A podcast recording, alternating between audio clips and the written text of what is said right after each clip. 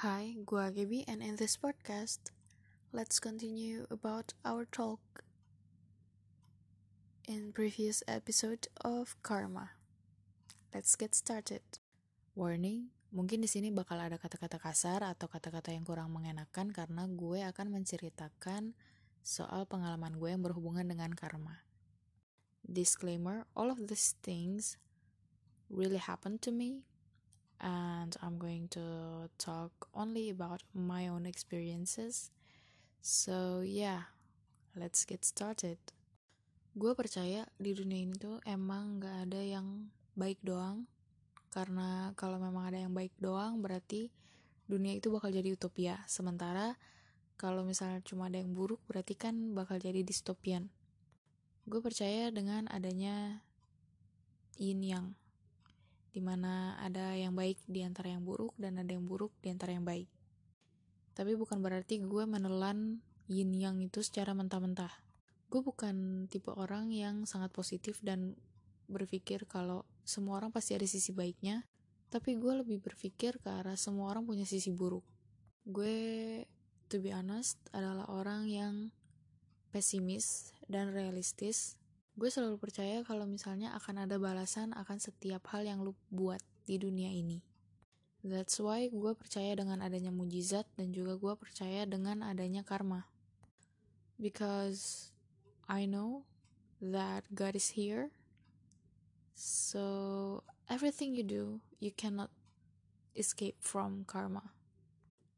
But, fun fact, waktu kecil gue sangat tidak percaya dengan adanya karma karena gue waktu kecil selalu berpikir karma itu terjadi tidak begitu lama.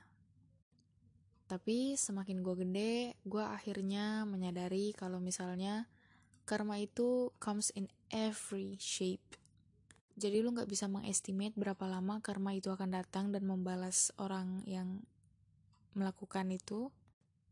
Lu juga nggak bisa mengestimate seberapa besar atau apa yang akan diterima orang itu. But the thing is, I always believe that karma itu akan selalu setimpal. Or maybe even worse. So yeah, here are several karmas that I've seen ever happened in front of my eyes. Karma yang terakhir ini adalah karma terlama dalam hidup gue. It involves everything about um, talenta gue yang bisa sensitif melihat hal-hal yang tidak nyata.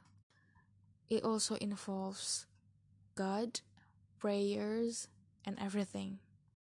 Anyway, let's make it simple. Karma ini uh, dimulai dari sebelum gue lahir. Jadi gue sebelum lahir itu sangat tidak diharapkan. Karena satu lain lain hal, keberadaan gue itu sangat tidak diharapkan.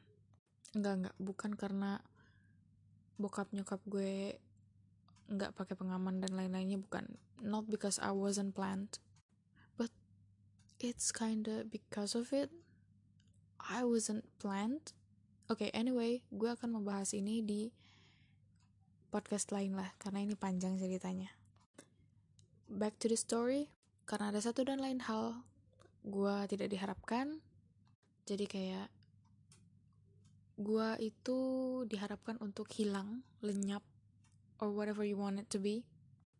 Jadi kayak fisik gue dihajar abis-abisan, kayak mereka mencoba untuk uh, membuat gue hilang lenyap lah istilahnya tapi karena mak gue itu doanya kuat banget jadi uh, semua yang mereka lakukan itu nggak mempan di gue ya seperti podcast gue sebelumnya me and my unusual strength uh, pokoknya hal-hal yang kayak gitu tuh nggak mempan lah di gue gue mau dilukain kayak gimana pun kayak itu nggak ada efeknya di gue yang sangat berlebihan.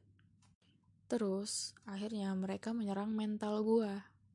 Jadi gue selalu berpikir selama gue hidup, gue itu nggak punya kelebihan apa pun.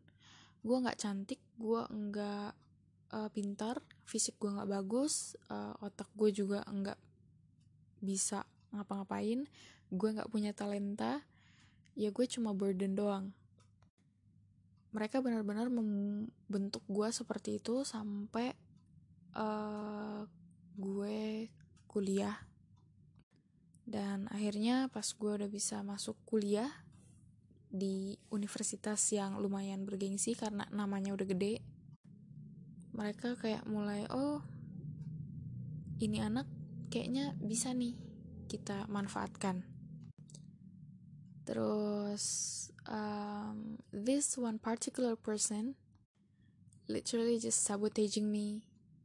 Uh, dia juga yang memfitnah gue di depan bapak gue dan setiap hari sama dia itu gue selalu menahan grudge amarah.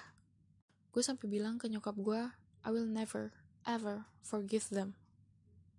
Yang mana nyokap gue dengan I don't know why cuma bilang e, ya tetap kamu harus maafin dia bagaimanapun caranya. Se uh, seberapa susahnya itu kamu harus maafin dia. Tapi gue kayak nggak gue nggak bisa. It will be a great pleasure to see them die.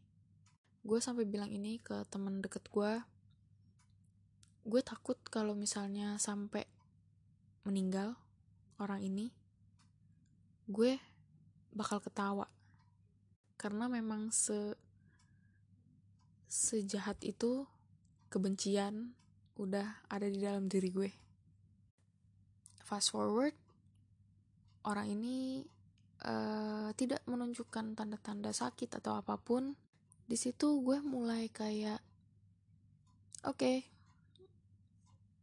gue gue akan mencoba untuk memaafkan lo walaupun lo juga sampai sekarang tuh masih uh, merusak mental gue tapi itu tuh baru terjadi setelah gue umur 22 tahun karma itu baru terbalas Singkat cerita, dia masuk rumah sakit. Terus gue bilang sama Tuhan, Tuhan, kalau memang orang ini punya niat buruk sama aku, ambil nyawanya malam ini juga. Karena pada dasarnya gue dari dia udah masuk rumah sakit itu gue udah ngeliat ada banyak yang menunggu dia dalam tanda kutip yang tidak terlihat. Tapi gue tuh kayak masih ada pergumulan di dalam batin gue. Apa orang ini benar-benar sejahat itu sama gue terus nyokap gue juga masih sempat-sempatnya membela dia di depan orang lain ngasih tahu kebaikan-kebaikannya yang menurut gue bohong. Oh, this is so hard to talk about. Anyway, uh, setelah gue berdoa seperti itu, uh, gue juga bilang sama Tuhan, kalau misalnya dia niatnya tidak seperti itu, buat dia sembuh. And that day, dia meninggal. Di situ gue nggak nangis, gue tidak merasa ada yang hilang. Sama sekali merasa tidak ada yang berubah. Ya udah, gue cuma dapat jawaban Tuhan dan sudah. Tapi uh, malamnya saat gue doa lagi, di situ tuh gue ngerasa banget kayak karma ini baru kelihatan kan. After like 22 years of waiting, kayak gue nggak berpikir kalau misalnya selama itu dan karma masih akan tetap berjalan. It's like God never fails to surprise me. Gue sampai udah kayak hopeless, give up, udah berpikir ya udahlah, udah berapa puluh tahun, gak mungkin lah. Tapi Tuhan tuh kayak nope, here I come. ini nih hal yang paling gue ingat. Cause up till now, it still feels like it's surreal. But ya, yeah. ya yeah, tapi dari ketiga karma besar yang gue sudah alami sepanjang hidup gue, um, gue tuh akhirnya semakin mengandalkan Tuhan. Gue semakin percaya kalau misalnya karma itu akan datang. Jangan takut. Dan karma-karma itu tuh jadi uh, kayak reminder untuk gue untuk terus selalu berbuat baik, to be humble, dan tidak pernah melupakan apa pun yang gue dapat ini bukan karena kekuatan gue sendiri bukan karena kemampuan gue juga, tapi karena Tuhan. Terus ini juga jadi reminder karena gue pahit lidah, jadi kayak gue semakin diingatkan untuk uh, berjaga-jaga dalam perkataan gue, dalam doa, dalam apa pun di hidup gue jangan sembarangan berucap. Iya sih gitu aja. Karena semua yang gue lakukan pasti ada karma. Karma baik ataupun karma buruk. Jadi ya saat lu nggak mau diperlakukan dengan buruk oleh orang jangan memperlakukan mereka juga buruk. Karena lu nggak tahu siapa yang akan membalas lu di kemudian hari. Mungkin lu berbuat buruk sekarang. Terus puluhan tahun ke depan ada orang yang berbuat sama ke lu. Dan lu sudah melupakan perbuatan lu yang dulu. Tapi kan karma itu tidak pernah melupakan orangnya. Jadi saat lu berpikir oh ini gak adil.